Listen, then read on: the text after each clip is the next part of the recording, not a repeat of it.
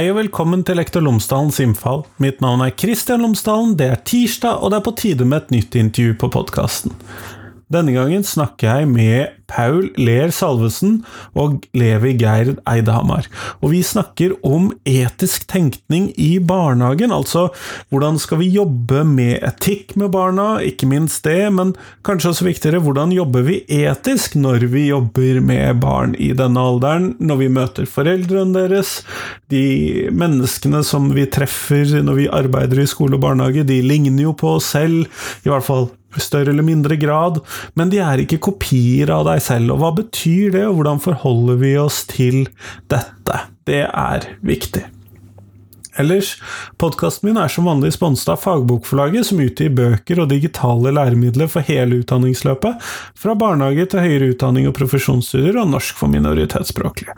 Og Fagbokforlaget kommer stadig ut med nye og relevante læremidler, så følg med på fagbokforlaget.no. Og I dag så skal jeg fortelle deg om en ny utgivelse som heter Utdanning for tverrfaglige mål. Og I lærerutdanningen så jobbes det med fagovergripende temaer, akkurat som i skolen, men bl.a. digital kompetanse, forsknings- og utviklingskompetanse og mangfoldskompetanse. Og det er disse tre fagovergripende kompetansene som boka har som sitt omdreiningspunkt. Så du finner da boka Utdanning for tverrfaglige mål på fagbokforlaget.no. Men nå, nå skal du få Paul og og Levi Geir, vær så god.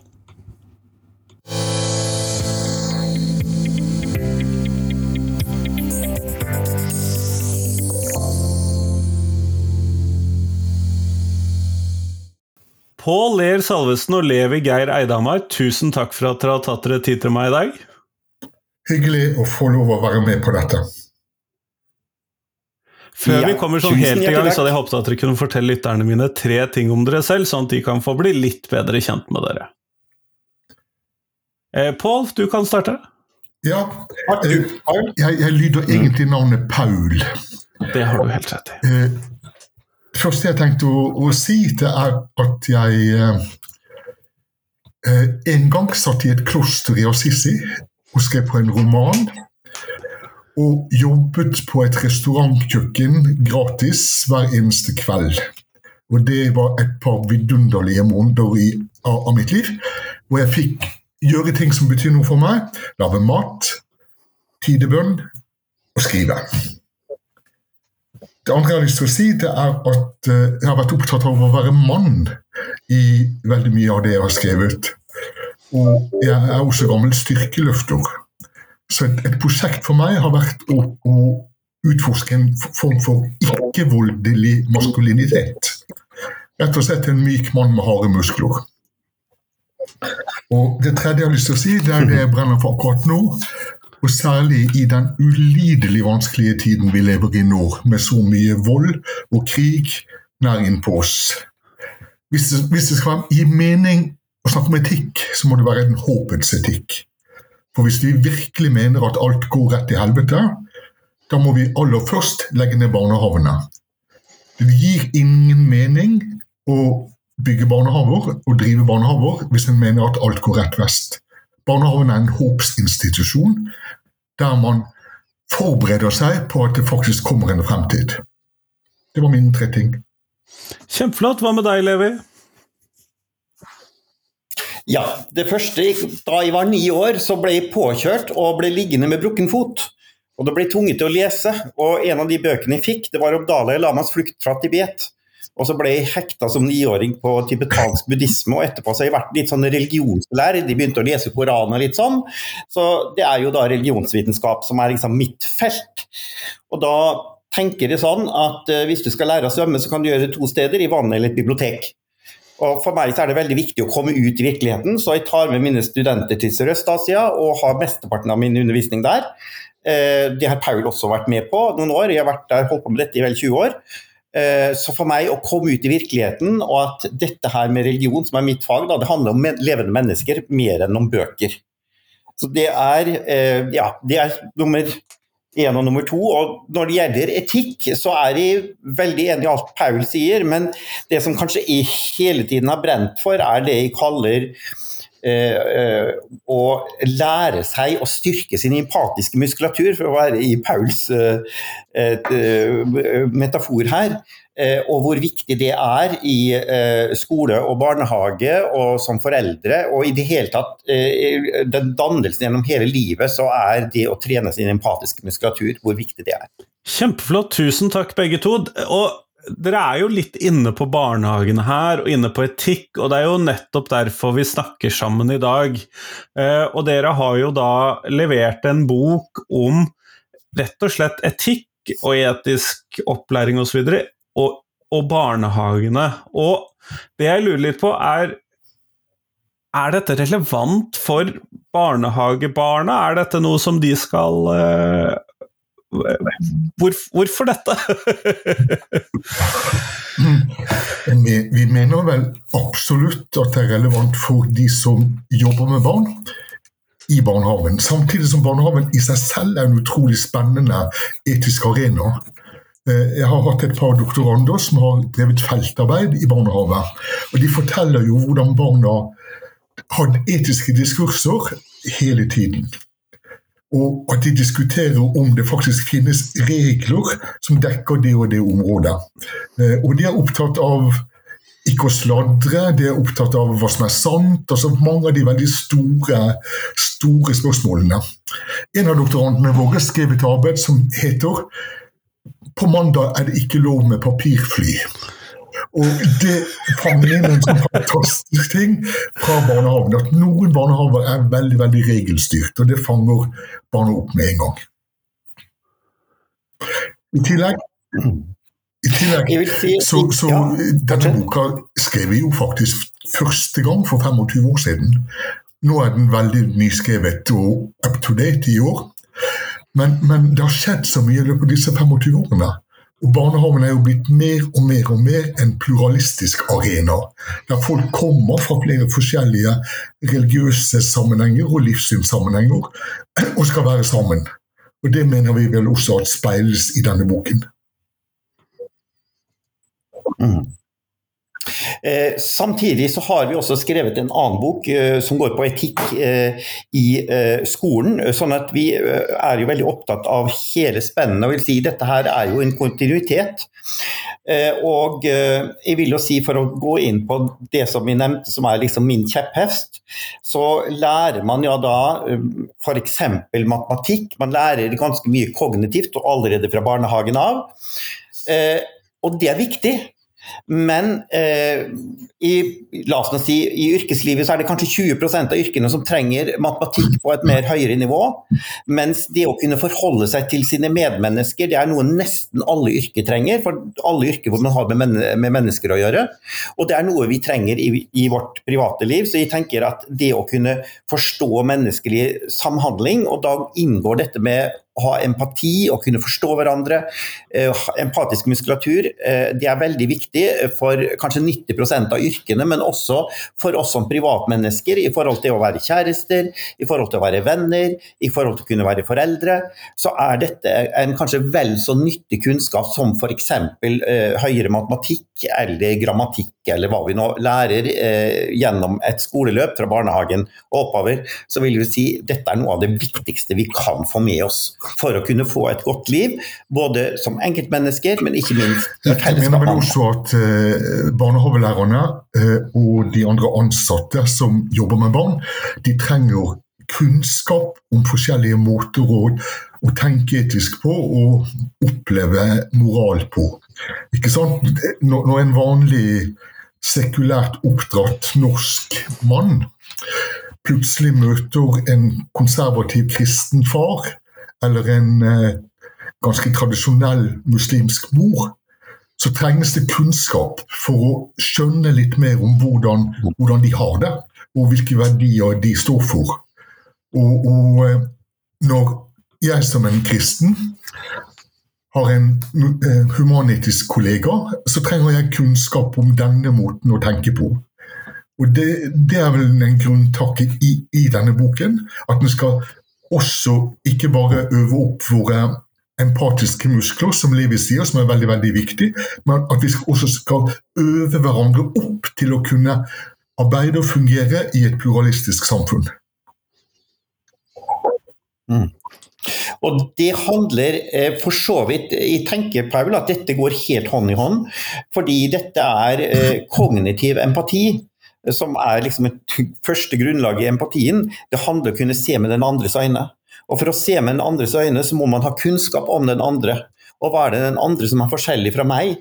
Hvordan er det den andre ser virkeligheten? Hvordan er det den andre analyserer etiske spørsmål? Og Det er akkurat det som det er hva skal vi si, to måter å si det, det, det samme på. De som leser vil se at en filosof som går litt igjen, det er Jürgen Habermas. Altså selve diskursetikken, dialogetikkens far, som stadig lever og er aktiv i Tyskland. Eh, han vil på en måte si at pluralismen er en fordel. Barnehager bør ha en etisk komité, f.eks. barnehagene i en større kommune bør ha det. Og Der bør det sitte folk fra forskjellig livssynssammenheng og, og diskutere viktige etiske spørsmål som har med barnehagen å gjøre. Men hvis alle de syv i komiteen er humanetikere, eller hvis alle de syv i komiteen tilhører Frikirken og har gått på startkamper hele livet, så er det en ubrukelig etisk komité. Men hvis den etiske komiteen er slik at Kristian og jeg, og også en muslim og en buddhist, kan være sammen rundt bordet og diskutere et spørsmål, og så komme til enighet, så vil jo det etiske rådet stå fantastisk sterkt. Jeg har sittet et par perioder i en forskningsetisk komité for samfunnsfag og humaniora, hvor, hvor, vi arbeidet etter det prinsippet at vi skulle forsøke å komme frem til konsensus. Og vi representerte ni forskjellige fag, og det var mye uenighet underveis, men vi klarte Minus to ganger klarte vi å komme til enighet i løpet av en åtteårsperiode. Det var spennende. Ja, og du kan tenke at i dag så er det, som du sa, Paul, en mer mangfoldig ja. verden, f.eks. i barnehagen. Samtidig så kan du si at internett det kan i en forstand gjøre at vi blir mer åpne, men så er det kanskje det motsatte som skjer med disse algoritmene, og hvor, mange, hvor internett kan bli en masse ekkokamre, hvor man finner sine egne meningsfeller, og så går man ikke utover det. En kristen går ikke Human-Etisk Forbunds hjemmeside for å finne mening i livet, og vice versa. Eh, og da tenker jeg at det er veldig viktig Eh, og det er nettopp det du snakker om, Paul. At vi unngår ekkokamrene. Og at barn allerede fra de er små lærer seg til å lytte til de som tenker forskjellig, og hvor viktig det er. å kunne lære seg også å tenke kritisk om eh, sine egne tanker, og kunne se sin egen perspektiv. Apropos hjemmesiden til Human-Etisk Forbund, så syns jeg faktisk den var blitt veldig god nå. Det, det, det, var fine filosofiske og etiske ressurser som, som, lå der. Men denne toleransen, eller hva vi skal kalle det, forståelsen vi nå snakker om, den har jo også en grense. Og der eh, står vi jo overfor noen av de virkelig vanskelige spørsmålene i et pluralistisk samfunn. Altså, Hva kan vi faktisk tåle? Finnes det en grense et sted hvor vi bare må bli normativ og si nei. Eh, og, eh, men da må jeg et spørsmål, Paul. Skiller du her da mellom eh, aksept og toleranse, eller er de to sider av samme sak for deg i den sammenhengen? Bare så det er klart. Okay, I den sammenhengen vil jeg faktisk eh, si at det er nesten det samme. Toleranse er litt svakere enn aksept. Ok, Nei, men, men, da vet jeg det. Ja, Men ikke sant, altså, vi har likevel noen fellesverdier i dette samfunnet, der storsamfunnet sier til minoritetene at her går grensen.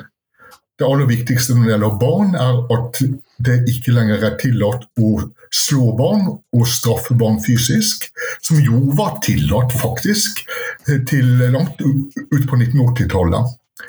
Eh, så Der har man satt en grense som er forferdelig viktig.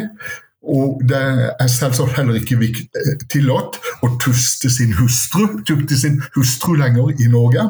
Vi har flere sånne. Kjønnslemlestelse er et annet eksempel på at storsamfunnet sier her går det noen grenser, og skal du bo i dette landet og leve her, må, må du akseptere disse grensene. Men dette er vanskelig. Altså, Hvor stor skal den sekken være av eh, verdier som vi forplikter alle de andre på?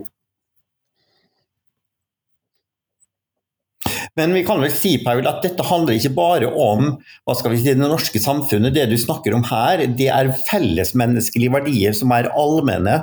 Eh, på tvers av kulturer, og alle disse tingene er noe som vi kommer fram til som, som, som fellesverdier. Eh, og jeg tenker Vi har jo i Norge en livssynsnøytral skole, noe jeg mener er veldig veldig viktig. Men det betyr ikke at den er verdinøytral.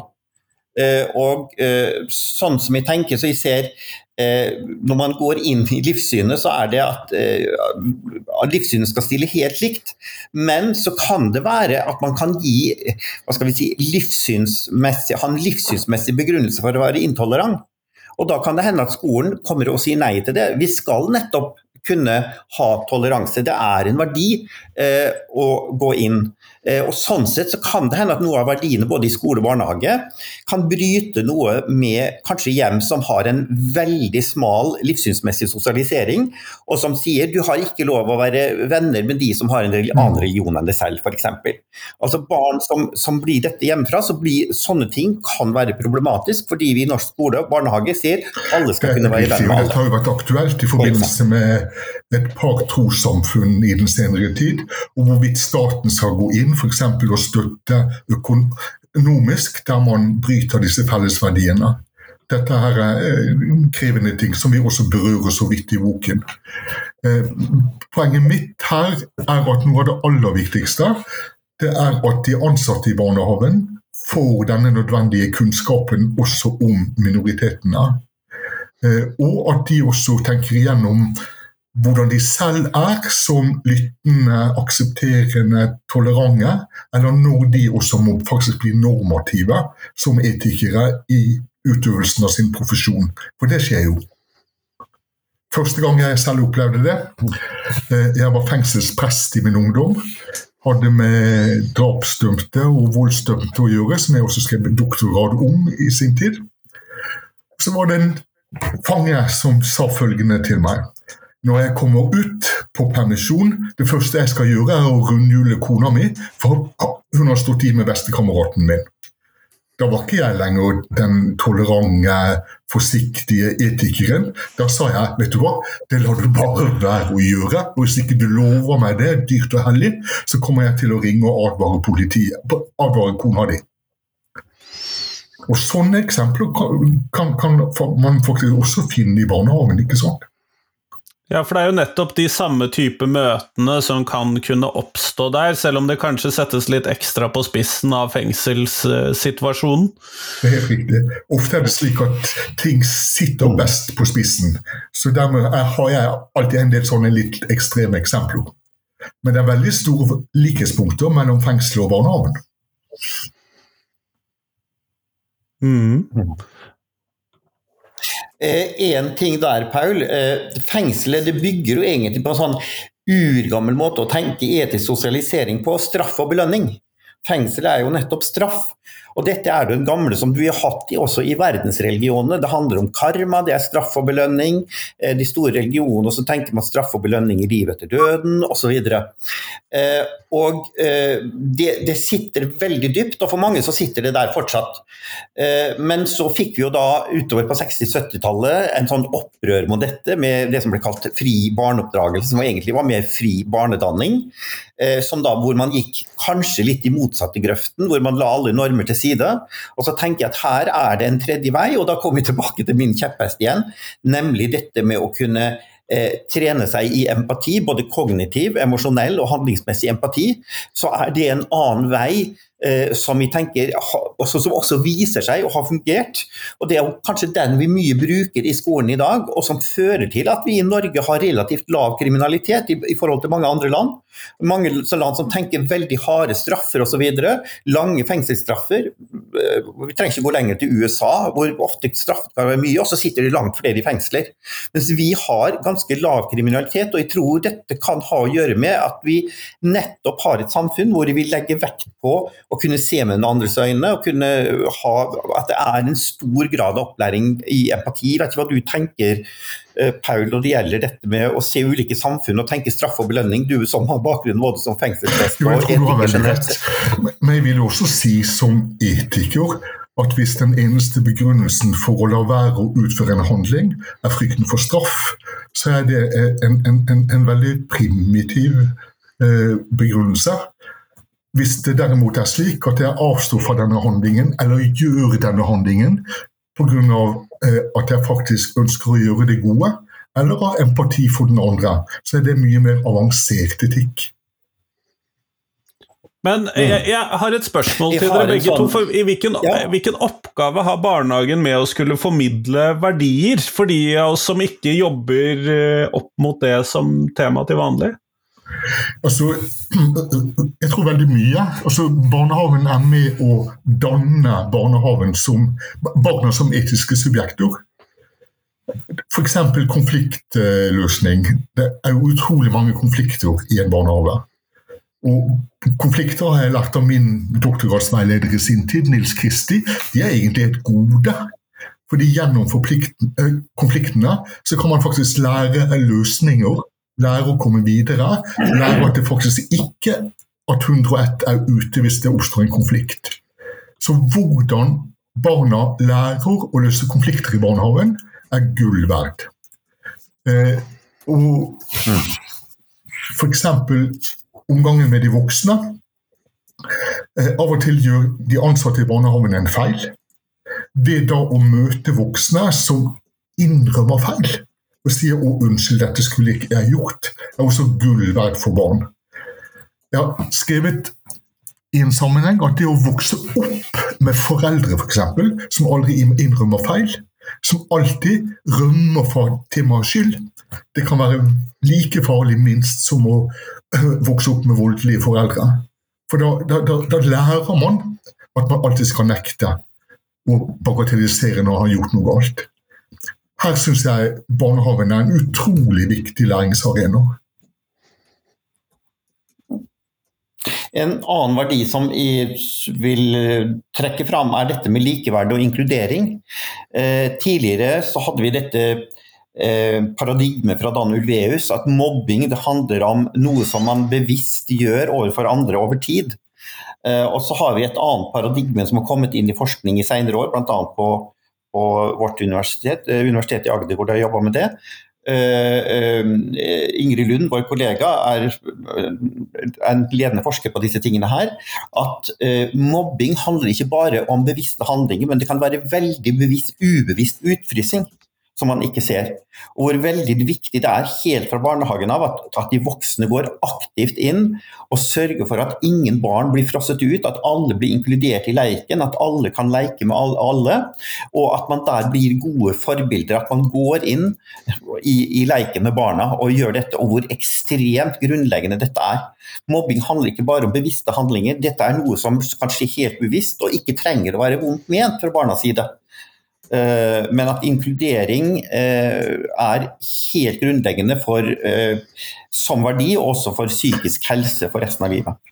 Og, og, Det er utrolig mange spennende læringssteder i en barnehage. F.eks. skal barna lære hvor grensene for intimitet går.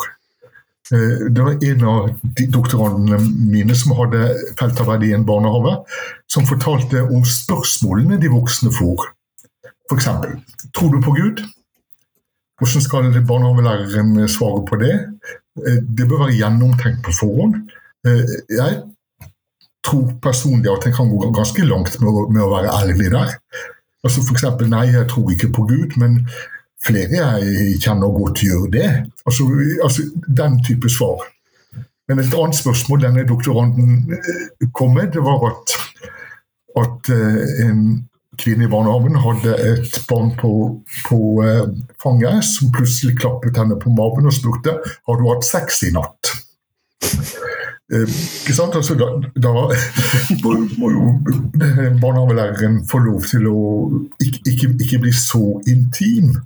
Eh, få lov å verne litt om sitt privatliv også. Og ikke sant? På denne måten skal barn også lære litt om grenser. Hvor grenser for nysgjerrighet. Denne doktoravhandlingen handlet om fenomenet nysgjerrighet i barnehagen. Fryktelig spennende tema. Jeg skriver litt om det i, i boken. Hvor nysgjerrighet var en last i, i tidlig kristen tid, mens det var en dyd for Aristoteles og de greske filosofene. Så man har liksom gått frem og tilbake i synet på fenomenet nysgjerrighet helt frem til dagens barnehage. Dette er jo veldig spennende og egentlig eh, også litt sånn forunderlig.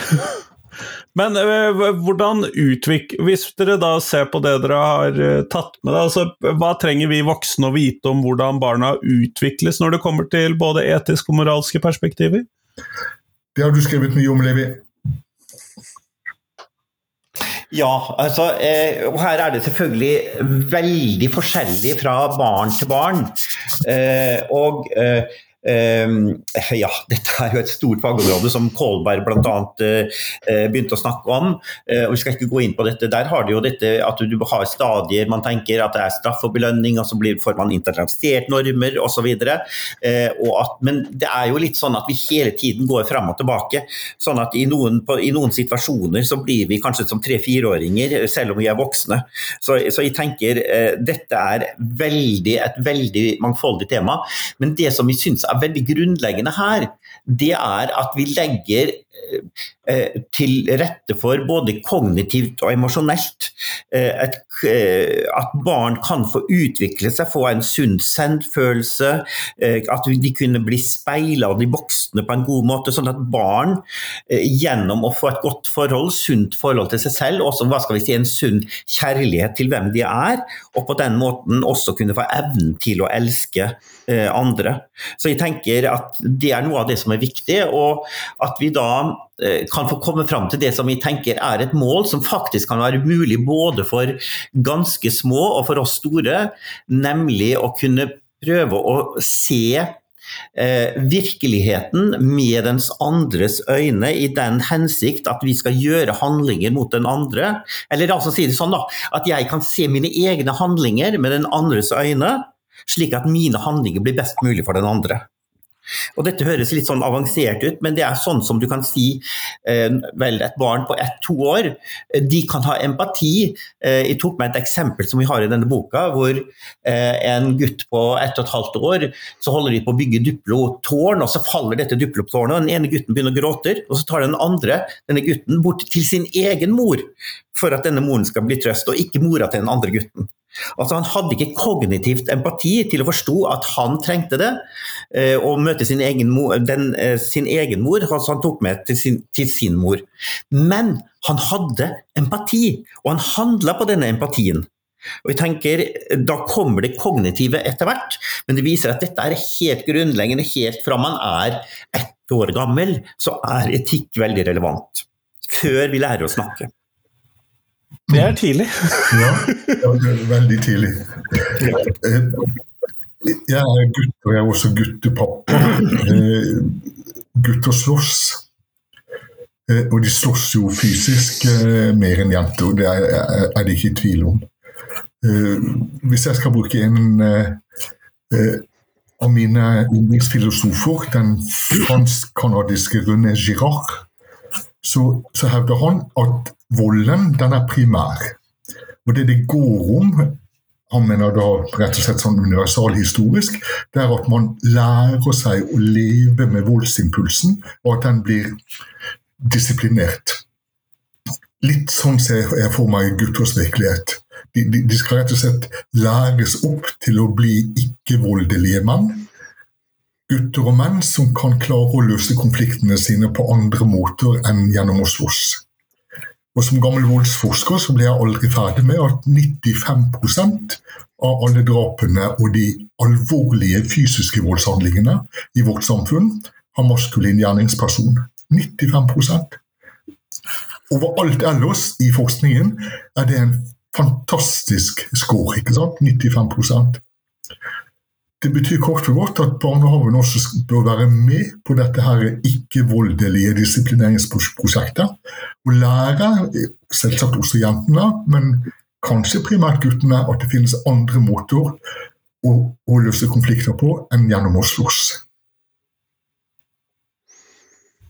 Og det er jo nettopp der det kanskje er desto viktigere at vi da den der gutter er gutter-retorikken, at man må la de få lov til å holde på, blir problematisk, da, også som et etisk spørsmål.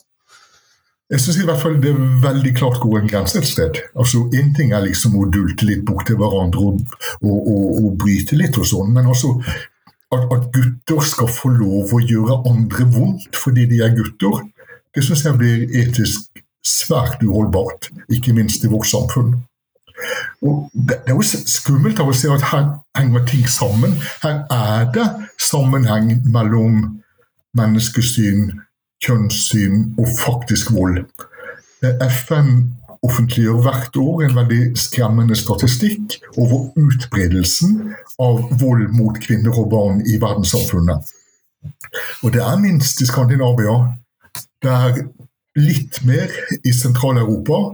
Det er forferdelig mye mer i en del land som vi vet har et helt annet syn på både, menn, både kvinner og barn enn, enn det vi har i, i, i, i vårt samfunn.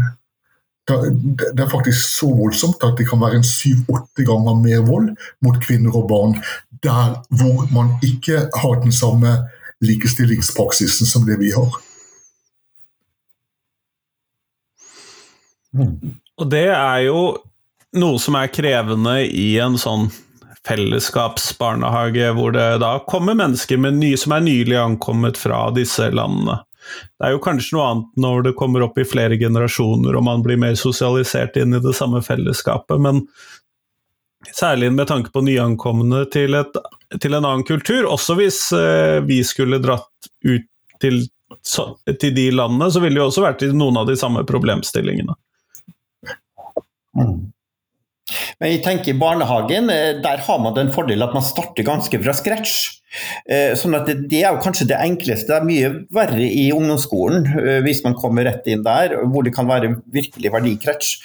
Hvis man starter i barnehagen, Det er jo nettopp det som er den store fordelen med at vi har barnehager hvor man nettopp tar etisk sosialisering på alvor, og hvor nå praktisk talt alle barn går så er det en veldig veldig stor, viktig kvalitet eh, ved det norske samfunn, og, og tenker jeg ved, ved, dette med etisk sosialisering.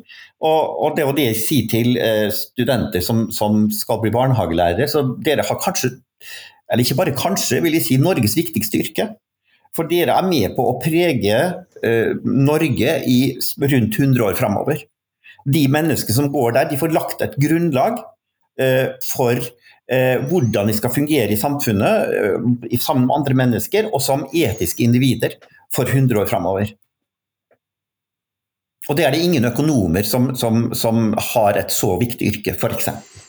Men her må jeg jo spørre, for dere har jo skrevet litt om dette når dere kommer inn på dette med yrkesetikk for eh, disse barnehagelærerne. Eh, så dere lister jo opp ganske mange ulike spenn disse barnehagelærerne står i. Det er ganske mange vi er nødt til å forholde oss til, og som må være med i disse drøftingene, eller må være med i tankene våre. Mm. Eh, blir ikke dette et veldig komplisert bilde, hvis dere kunne si noe om det? Det er klart det er komplisert. Yrkesetikken er komplisert. Eh, men, men eh, Altså, vi jobber litt med flere forskjellige etiske modeller i, i, i, denne boken. Det er litt sånn klassisk i, i etikkundervisning. En sånn hovedforskjell er mellom konsekvensetikken og pliktetikken.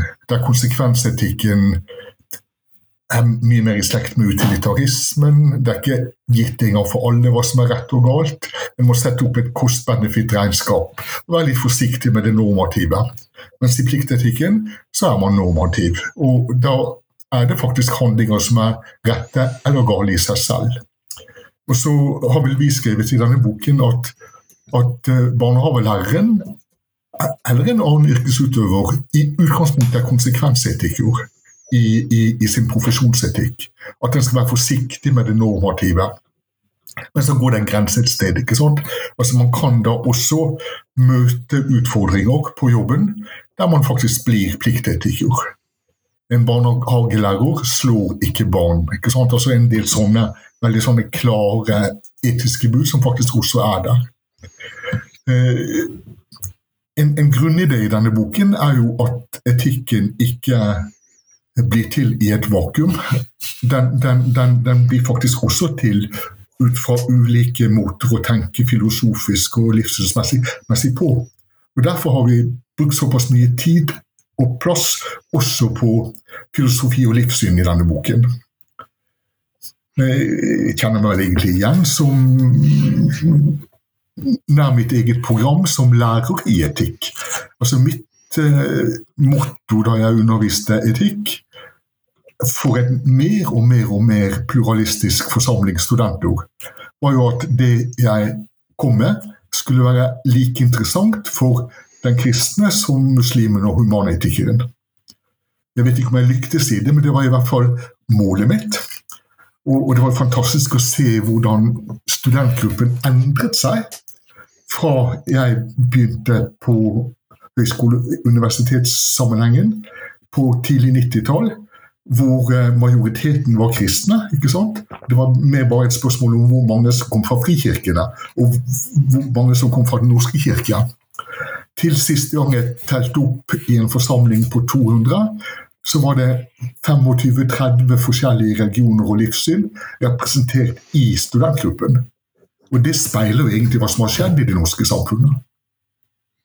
Og derfor trenger barnehagelæreren kunnskap. Og Det gjelder jo da i yrkesetikken når man forholder seg til det enkelte barn. Eh, det gjelder i forhold til foreldre og foresatte, hvor det da er nettopp dette mangfoldet som, som Paul snakker om. Men også til hverandre, hvor da nettopp personalet i barnehagen også forhåpentligvis speiler dette mangfoldet. Så dette mangfoldet får vi inn uh, på mange steder. Og så vil jeg også si Noe av det som er når det gjelder yrkesetikken, er jo da forholdet mellom yrkesetikk og juss. Hvor jussen kommer inn i forhold til taushetsplikt, i forhold til opplysningsplikt, en rekke sånne ting. Hvor jussen er veldig klar, men hvor en ansatt ikke bare skal forholde seg til jussen må være der, jussen må man kunne, men så er det også at disse tingene handler ikke bare om juss, men det handler også om etikk. Det kan hende at du følger lovene til punkt og prikke, og likevel handler på en måte yrkesetisk som ikke er riktig. Og, den, de, de, drøftingene der innenfor en eh, rekke forskjellige områder som vi da tar. For å ta taushetsplikt, f.eks. F.eks. gjennom det veldig vanskelige temaet varsling og opplysningsplikt. Hva skal en barnehagelærer gjøre hvis han eller hun har mistanke om, om omsorgssvikt i hjemmet? Eller eh, overgrep i hjemmet? Hvordan, hvordan går en frem da? Holder det å bare fortelle videre til styret i barnehagen, og så er alt gjort? Nei. Da er det faktisk slik at det, både det moralske og det juridiske ansvaret i denne situasjonen Eh, har en fortsatt etter at en har eventuelt varslet videre. En må, må, faktisk se til at ting blir gjort. Dette, dette er krevende ting som vi skriver en god del om. En ting jeg lurte litt på, Levi eh, i den, Jeg tror det henger med i den sammenhengen, men Eh, det er mulig at det er litt tilbake. Det er jo dette, for Du har snakket om dette med de empatiske musklene inni dette her. Eh, og mm. hvordan øver vi opp den, både for oss selv som da yrkesutøvere, men også for da disse barna? Ja, et veldig godt og stort spørsmål. Eh, og da vil jo si eh, eh, Noe av det første er jo at vi fremstår, at vi som voksne fremstår nettopp som empatiske rollemodeller. Eh, at vi eh, har empati med, med, med, barna. Og det kan hende at et barn faller, eller gjør ting og gråter for ting som er liksom, eh, som vi tenker dette er bare tullete, og så nei, ikke bry deg om dette. Eller går vi inn og virkelig har empati, og selv om det sitter med våre øyne, så er dette en fillesak, men at vi tar da barnets eh, gråt på alvor, f.eks. At man er, går inn og er empatisk. Eh, viser barnet kjærlighet, sånn at barnet lærer å elske og, å akseptere seg selv, og dermed kunne lære å elske andre. Og la oss nå si, hvis det nå er konflikt mellom to barn, så tenker jeg at her kan man løse det på tre måter. Man kan bare kjenne og si nei, dette, dere får ikke lov å krangle sånn, det er ikke lov å slå, ferdig med det. Det er den straff og belønning-tankegangen. Eller man kan bare la det skure, den frie barneoppdragelsen, ikke, ikke gripe inn i det hele tatt. Og så er det den tredje metoden, som er den krevende, å sette seg ned og gå inn i situasjonen. Og så sier eh, nå Osman skal vi lytte til Kari, hvordan opplever hun dette? Og så hører vi henne, og så er det Osmans tur til å kunne si hvordan er det han opplevde dette, og si hvordan kan vi nå kunne bli venner igjen og gjøre dette på en god måte. Det tar en halvtime. Eh, men det er sånn man, man, man kan eh, Hva skal vi si? Da, da, da lærer man eh, god konfliktløsning, man lærer empati. Men det tar tid. En, en, en, en annen vei i tillegg det er at man kan lære empati via vikarord. F.eks. narrativt. At man bruker fortellinger. Det finnes en del riktig gode mm. barnebøker som egner seg til samlingsstunden i barnehagen, der, der, der man også møter ulike etiske situasjoner. Det er vidunderlig, det er vidunderlig å lese høyt for barn. Jeg er gammel barnebokforfatter. Ja. Hva er det du ikke har gjort, Paul? Jeg har ikke skrevet dikt. Jeg har ikke fått det til. Ah, du skulle bare se at et lite opphold til i Nord-Italia vil gjøre susen for det også. Ja, men Jeg er glad for ikona mi til å gjøre det for ofte. Ja. Jeg ser problemstillingen. Dere, Vi nærmer oss slutten her nå. og Jeg skal lenke sånn at folk kan finne boken hvis de går i shownotesene, sånn hvis de er mer interessert i dette. Men jeg har et siste spørsmål som jeg stiller til alle jeg intervjuer på podkasten. Og det er hvilken lærer har gjort størst inntrykk på deg, og hvorfor det? Og vi begynte med deg, Paul, i stad, så da går vi til deg, Levi, nå. Ja. Og det er min eh, klasseforstander da jeg gikk på gymnaset. Jeg er så gammel at jeg gikk ikke på videregående, jeg gikk på gymnaset. Eh, eh, han heter Arne Gjelle. Eh, og eh, han så meg som menneske mer enn han så meg som fagperson. Og jeg sleit ganske mye med at jeg hadde vanskelig for å sove før eksamen. Jeg tok eksamen altfor høytidelig eh, og var veldig stressa på dette. Og så så han, han så meg i denne situasjonen og så sa han, Levi, du trenger å lære å få en hellig likegyldighet til disse eksamenene. For det er ikke det som er viktig i livet. Og så hadde vi så mange gode samtaler på disse, og så hjalp han meg som menneske. Han så meg som menneske, eh, og ikke bare tenkte på mine karakterer. Men gjennom det så ble jo også karakterene bedre når de fikk dette, denne hellige likegyldigheten til eksamener. Eh, og mange andre ting som han lærte meg. Eh, så ja. Jeg er ikke i tvil. Det er han Hva med deg, Per? Ja, dette var et vanskelig spørsmål, for jeg hadde tre å velge mellom. Jeg velger den siste, Inge Lønning, som jeg hadde som lærer i uh, teologistudiet. Han er en av de mest intelligente menneskene jeg har møtt. Uh, utrolig kunnskapsrik. Uh, to ting gjorde ekstra inntrykk på meg. Det ene var at han var helt åpen om sine depresjoner, sine store, tunge depresjoner, eh, i offentligheten. Og det tror jeg på den tiden hjalp veldig mange, ikke minst også studenter, til å se at livet er mangfoldig. Det siste er en fortelling. Eh, da jeg fikk mitt første barn, var jeg 23 år.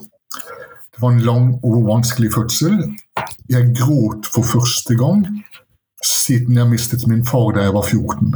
Det gikk ni år imellom uten gråt. Og så kom jeg ut av sykehuset, kjøpte to sigarer og dro til Blindern. Da hadde Teologisk fakultet tilhold sammen med filosofen i HF-bygget. Jeg tok heisen opp på syvende etasje, møter Inge Lønning utenfor heisdøren. Han spør Paul åssen har det gått, for han visste jeg var på klinikken. Og så satte vi oss ned på gulvet ved heisen og røykte hver vår sigar. Den gang kunne man faktisk røyke, det var i 1975. Og så fortalte jeg om hele fødselen til han. Og det var en vidunderlig nærhet, der han nettopp så meg som noe annet enn en student i tillegg. Kjempeflott. Tusen takk begge to for bidragene i dag. Ha det godt. Lykke til videre. Ha det godt. Tusen takk, Kristian. Eh, hei, hei.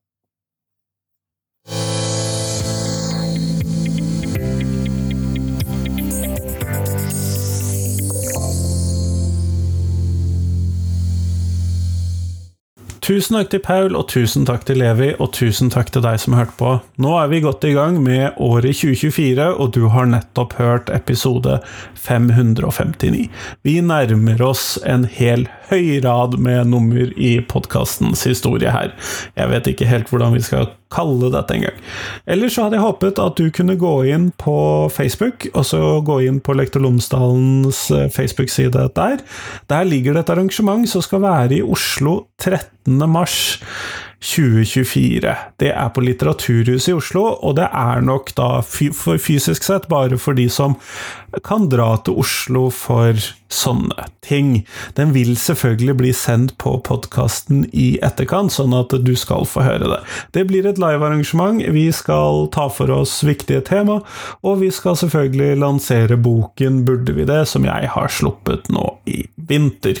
Sånn at det skjer på Litteraturhuset i Oslo 13. mars. Så satser jeg på at uh, du har lyst til å vite mer om det. Det blir uansett en podkastepisode, så du skal få høre det, men jeg blir veldig glad jo flere som møter opp. Hei, hei!